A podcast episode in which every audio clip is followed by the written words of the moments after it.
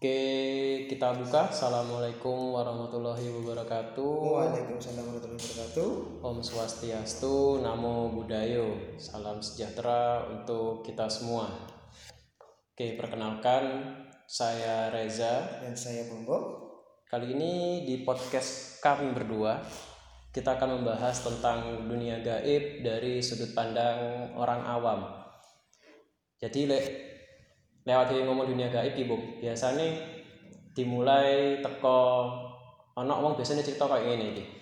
Aku tahu ndelok kuntilanak, aku tahu ndelok pocong. Oh, panggeniku angker wingit dan sembarang kalir ngono. Lek menurutmu, Bom, awakmu pertama kali iso merasakan kehadiran mereka itu kapan? Nah, ki pertama eh, mengetahui aku bisa merasakan yang begituan, maksudnya eh, waktu SD pun aku dulu pernah gini belajar di ruang tamu itu ada sekelebat bayangan hitam lewat depan rumah. Nah, aku tanya sama kakekku, Bayangan tok. bayangan toh Oh. bayangan serut lewat bah bah bah itu ada orang lewat tapi kok hitam ya tuh kamu suruh belajar jangan tola toleto nah cari membangun tuh Iku jam-jam biroan, Bom, jam-jam biroan kira-kira. itu jam maghrib kali Maghrib. ya maghrib Oh, maghrib. Jadi ketokan bayang hitam pas maghrib maghrib. Ah, Berarti kurang lebih kayak ngomong normal lah ya, ngomong normal kebanyakan. Ngomong normal kebanyakan pasti ngerasani atau orang tua kita zaman dulu tuh biasanya bilang kamu kalau maghrib jangan keluar. Nanti diambil setan. Kamu kalau maghrib jangan keluar. Setan pada keluar. Nanti kamu diculik dibawa ke sana. Oke. Ini sedikit pemberitahuan aja ngasih tahu doang. Bahwasanya baik bom bom maupun saya pribadi sebenarnya kita ini bukan anak indigo iya tapi kami bisa merasakan kehadiran mereka atau bahkan saya sendiri terlebih. Saya itu sering bisa melihat mereka tapi istilahnya itu nggak bisa terus-terusan bisa lihat. Jadi kayak lampu ya kayak lampu ah, kayak lampu gitu jadi kadang urip kadang mati. Nah ketika nanti kondisi saya lagi capek Ah, saya terkuras habis pokok tenaga seharian biasanya nanti tingkat sensitivitas seseorang terutama saya itu biasanya meningkat. Jadi boleh aku bom yo nek aku ditakoni kapan aku pertama kali ndelok setan? Jadi aku pertama kali ndelok setan iku kapan? Oh SD diawali teko suara-suara. Suara Mbak Kunti. Nah suara Mbak Kunti tapi nggak ketahuan wujudnya terus suwi-suwi paling paling hot ya. Paling horor pas SMA penampakan pertama sing tak delok saumur hidupku dan selalu terbayang-bayang atau bikin malah trauma neng aku itu aku ndelok pocong uh, ndelok pocong pas aku sekolah kondisi pas diklat pas waktu jurit malam. Pas waktu jurit malam aku arek ekskul pas aku jogo pos dilalah kok. Pertama ini bom untuk makhluk halus biasanya aku ngei pertanda dekat metu.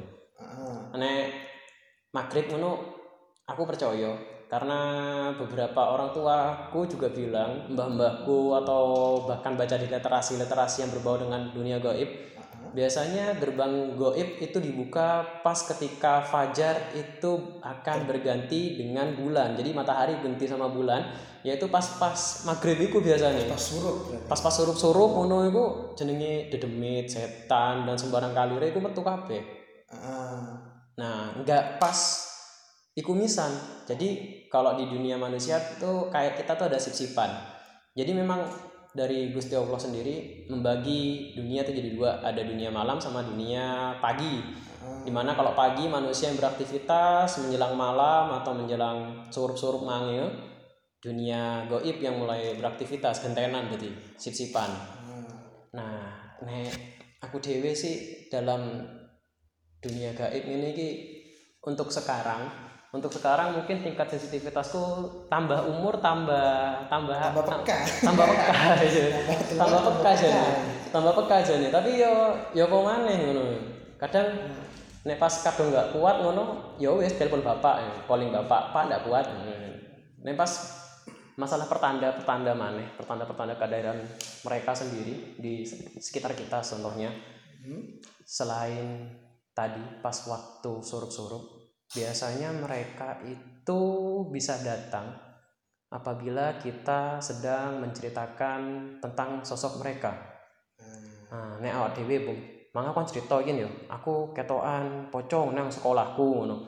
Terus apakah si pocong iku langsung iso mrene? Enggak bisa. I- iya ndak langsung ciluk bang enggak langsung iya enggak langsung metu blah ngono enggak langsung metu. Jadi pas yo ndak kira pas langsung moro-moro pocong ning sekolahku kae iku langsung moro-moro mrene. Aduh sing pertama rek.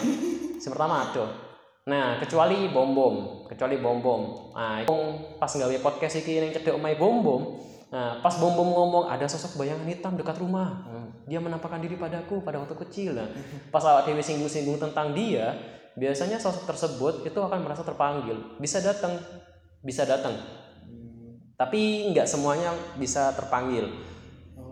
Nek aku bom yo nek kirane ana makhluk goib atau apa pun itu namanya kita nyebutnya dia datang dan ada di sekitarku biasanya tubuh ini ngasih respon. Ngasih respon biasanya berupa entah kenapa kalau yang orang normal tuh ya pasti ngerasanya tuh pertama bulu kuduk merinding. Ya terus keloro biasanya gak cuma bulu kuduk biasanya kok pas ngerasa kok udaranya tambah adem ngono ya ah biasanya. Tambah adem terus pas tapi udah angin. Tapi gak ada angin.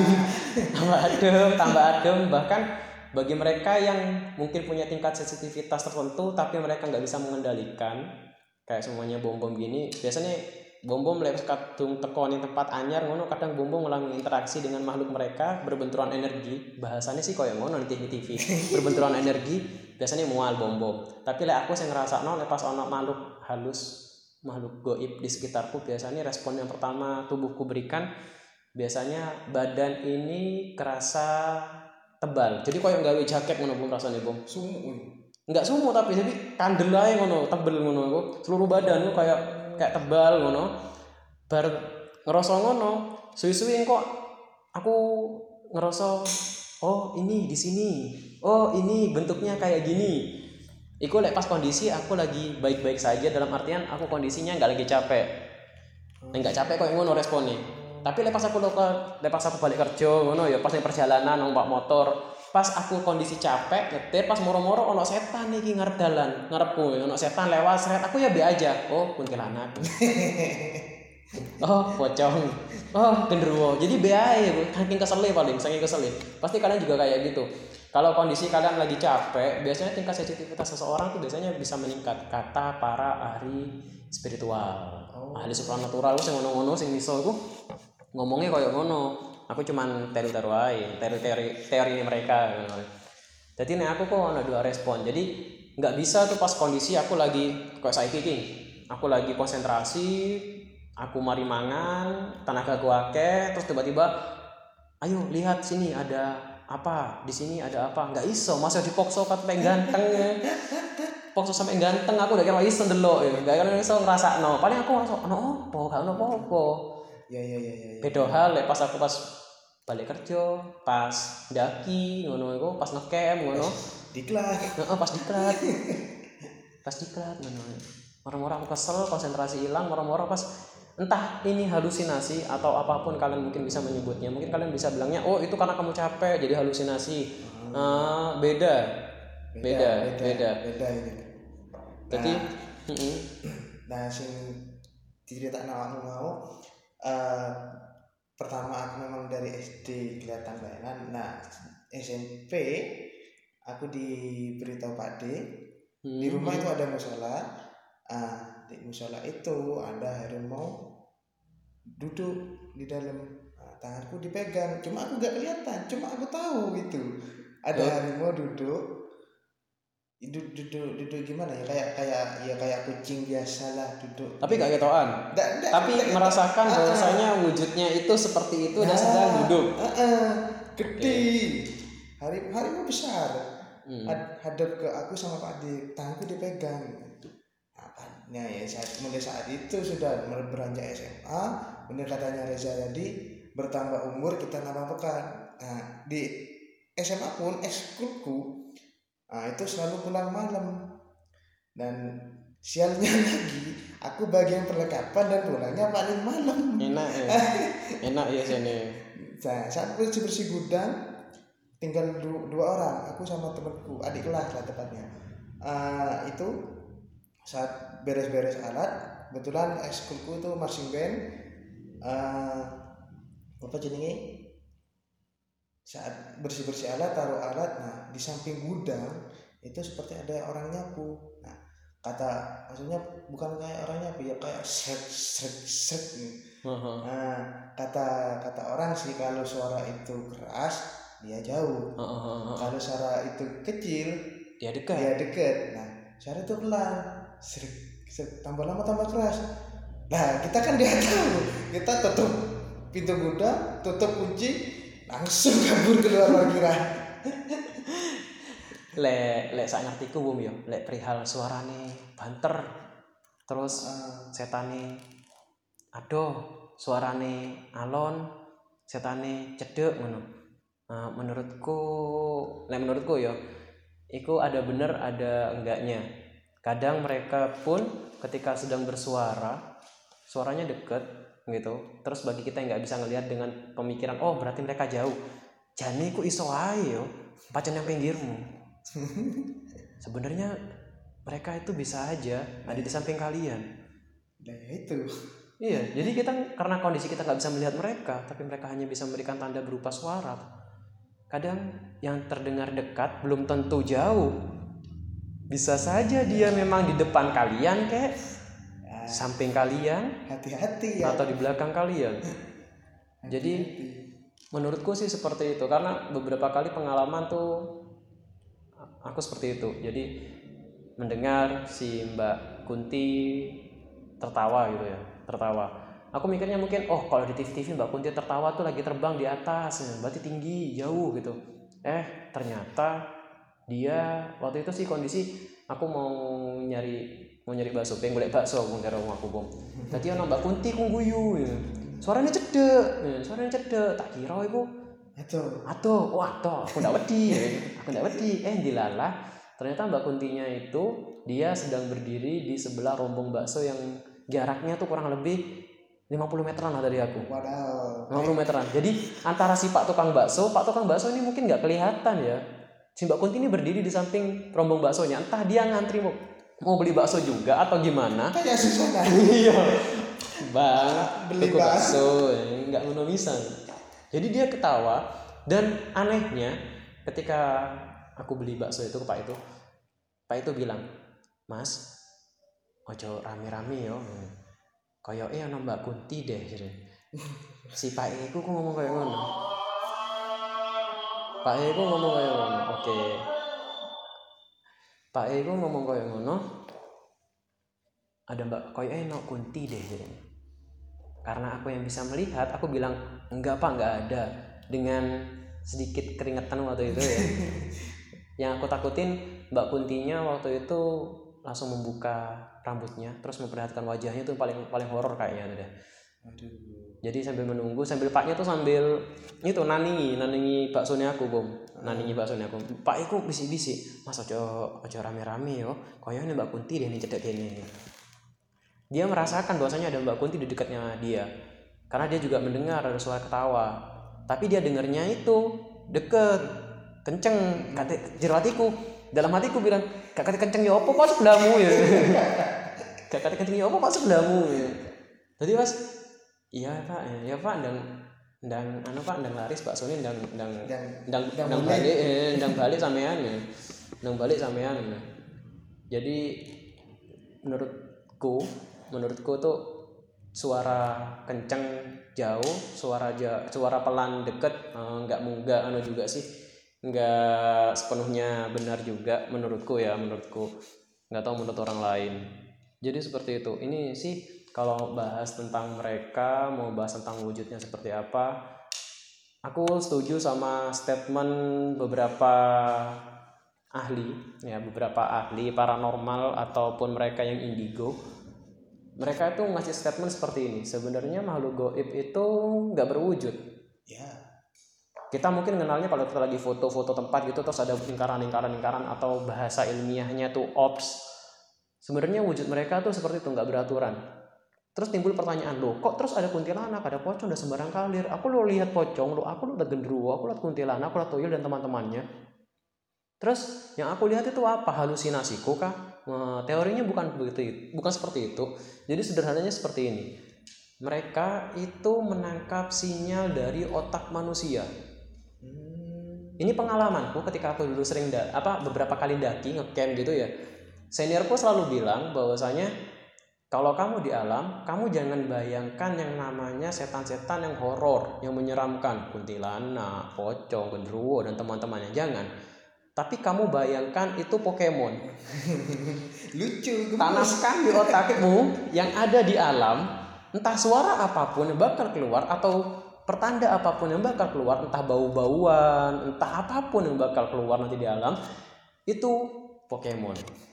Jangan bayangkan contoh nih ada bau kentang Hmm. kentang rebus atau apa ya pohung ya. kalau pohung itu bahasa Jawa kalau bahasa Indonesianya Singkong, itu Pak. singkong Oh, iya. singkong rebus, singkong bakar gitu tuh kan menurut kepercayaan orang-orang kalau ada bau-bau seperti itu kan ada sosok yang mungkin kita sebutnya dengan genderuwo gitu ya jadi pas lagi di alam ada bau seperti itu saya selalu tanamkan ke aku sih selalu menanamkan pikiran bahwasanya oh Pokemon Pokemon Pokemon. Jadi dalam pikiranku tuh ya jadi biasanya sebelum mendaki sebelum ngecamp itu aku lihat gambar-gambar Pokemon dah.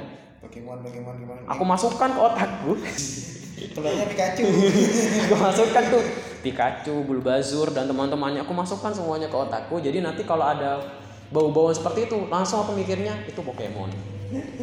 Ya. Dan alhamdulillah alhamdulillah setiap kali ngecamp apalagi aku anak sejarah selalu datang ke tempat-tempat bersejarah di mana kita tahu sendiri tempat-tempat bersejarah biasanya menyimpan cerita-cerita historisnya sendiri menyimpan rekam jejak rekam jejak peristiwa-peristiwa masa lampau yang sedikit banyak tuh kayak kalau aku sih ngerasanya tuh kadang aku bisa nge-flashback gitu loh. Nge-flashback oh peristiwa oh di sini tuh dulunya gini dipakai ini buat ini ini gitu-gitu tuh. Kadang bisa kadang bisa aku. Kalau aku paksa kadang nggak bisa yang ngalir aja gitu tiba-tiba kelihatan gitu tuh itu aku selalu tanamkan ke dirinya. Aku tuh oke Pokemon Pokemon Pokemon. Oke apakah berhasil? Pertanyaannya jadi jadi dari persentase 100% tingkat keberhasilan pemikiran Pokemon Pokemon itu berapa persen? Alhamdulillah paling 15 persen. Jadi gak gak selalu tampak. Iya nggak selalu tampak nggak selalu tampak Pokemon beneran sih kalau sudah ini karena kenapa? Karena dari kecil kita selalu dijejali dengan film-film setan yang menggambarkan bahwasanya namanya kuntilanak, mbak-mbak perempuan, rambut putih, rambutnya panjang, baju putih, pocong seperti itu, genderuwo seperti itu, dan lain-lain. Dan itu terekam di otak kita. Ya, Dan itu terekam. intinya kalau dari orang-orang dulu sih dari film-film itu hantu cuma ada lima pocong kuntilanak genderuwo tuyul siluman Iya. udah Iya, dan bentuknya seperti itu. Dan kebanyakan sih orang-orang sampai sekarang tuh aku lihat genderuwo aku lihat gini. Jadi menurut teorinya sendiri, seperti kembali lagi tadi di awal, teorinya sendiri dari para anak-anak indigo yang saya yang aku lihat di YouTube dan lain-lain maupun paranormal paranormal bilangnya itu mereka hanya merekam isi otak kita, Ah, memori kita direkam. Jadi sebenarnya mereka tuh masih belum punya wujud asli, belum punya wujud asli. Dan ketika contoh nih datang ke kuburan, straight lewat kuburan, kita selalu terdoktrin bahwasanya kuburan yang dikubur itu mayat. Mayat dalam agama Islam itu pasti nanti dimakamkannya dengan bentuk pocong. Ya, pocong gitu. Jadi kita harus memikir lewat kuburan, oh pasti ada pocong. Pocong kita mikir, ini otak ini nggak tahu ya refleks gitu ya. iya Kayak di mesin Google gitu ya, kita ngetik pocong gitu ya. Langsung banyak, pocong tuh langsung banyak gitu. Pocong model A, B, C, D, E yang kayak mumun, yang kayak apa, kayak apa kan langsung, langsung muncul banyak gitu tuh. Pocong-pocong, astagfirullah, langsung gitu pas langsung mikir, kenapa aku mikir pocong? Ketika kita mulai sadar kenapa kita mikir pocong, kita sudah terlambat. Udah kerekam tuh sama makhluk goib. Makhluk goibnya bilang gini, aha, aku punya kesempatan. Bilang gitu tuh. Ah, aku ada kesempatan. Ya wes rekam. Oh, hari itu ada nang pocong. Ya wes tak rekam cepet. Aku jadi pocong. Nah, jadi pocong. Jadi pas dia muncul gitu ya, Fred. Aku jadi ngerti, Bung. Aku jadi ngerti kok ono pocong iku aku ngerti jadi Bung. Lah kuburan ngono ku. Tapi karena aku merasa cuek, karena aku merasa cuek dengan nganggep jero atiku ngene sih aku nggak lihat aku nggak lihat aku nggak lihat tapi jero atiku iki ngomong aku delok cuk aku delok cuk. Dengan nggak menganggap mereka ada sebenarnya mereka tuh kayak orang lagi pas lagi dikacangin gitu ya. Ah, lagi kamu mau ngeprank terus ternyata prankmu sudah ketahuan sama orang yang si korban itu. Jadi kan rasanya hambar. Sia-sia. Sia-sia. Nah hambar jadi paling jadi jadi pocongi paling ya. kampret ya. Ada delok aku ndak ketokan wong iki ngono ngono ya. Ndak ketokan wong iki ya wis lah golek liyane ya. kadang itu yang menyelamatkanku di tempat-tempat seperti itu jadi merasa masak bodoh gitu. Meskipun aku tahu aku tahu tapi aku macak bodoh aja nggak kelihatan. Ya ya. Tapi kadang kalau orang rasa penasarannya tinggi itu bahkan tempat aman pun tidak serem itu muncul. Heeh, kan karena kan nangkep bom. Soalnya uang penasaran soalnya aku penasaran ki aku pengen ngerti pengen delok pocong kaya apa sih pocong sih? Sih tak bayangno pocong kaya apa? Tak bayangno tak bayangno. Ojo oh tempat horor.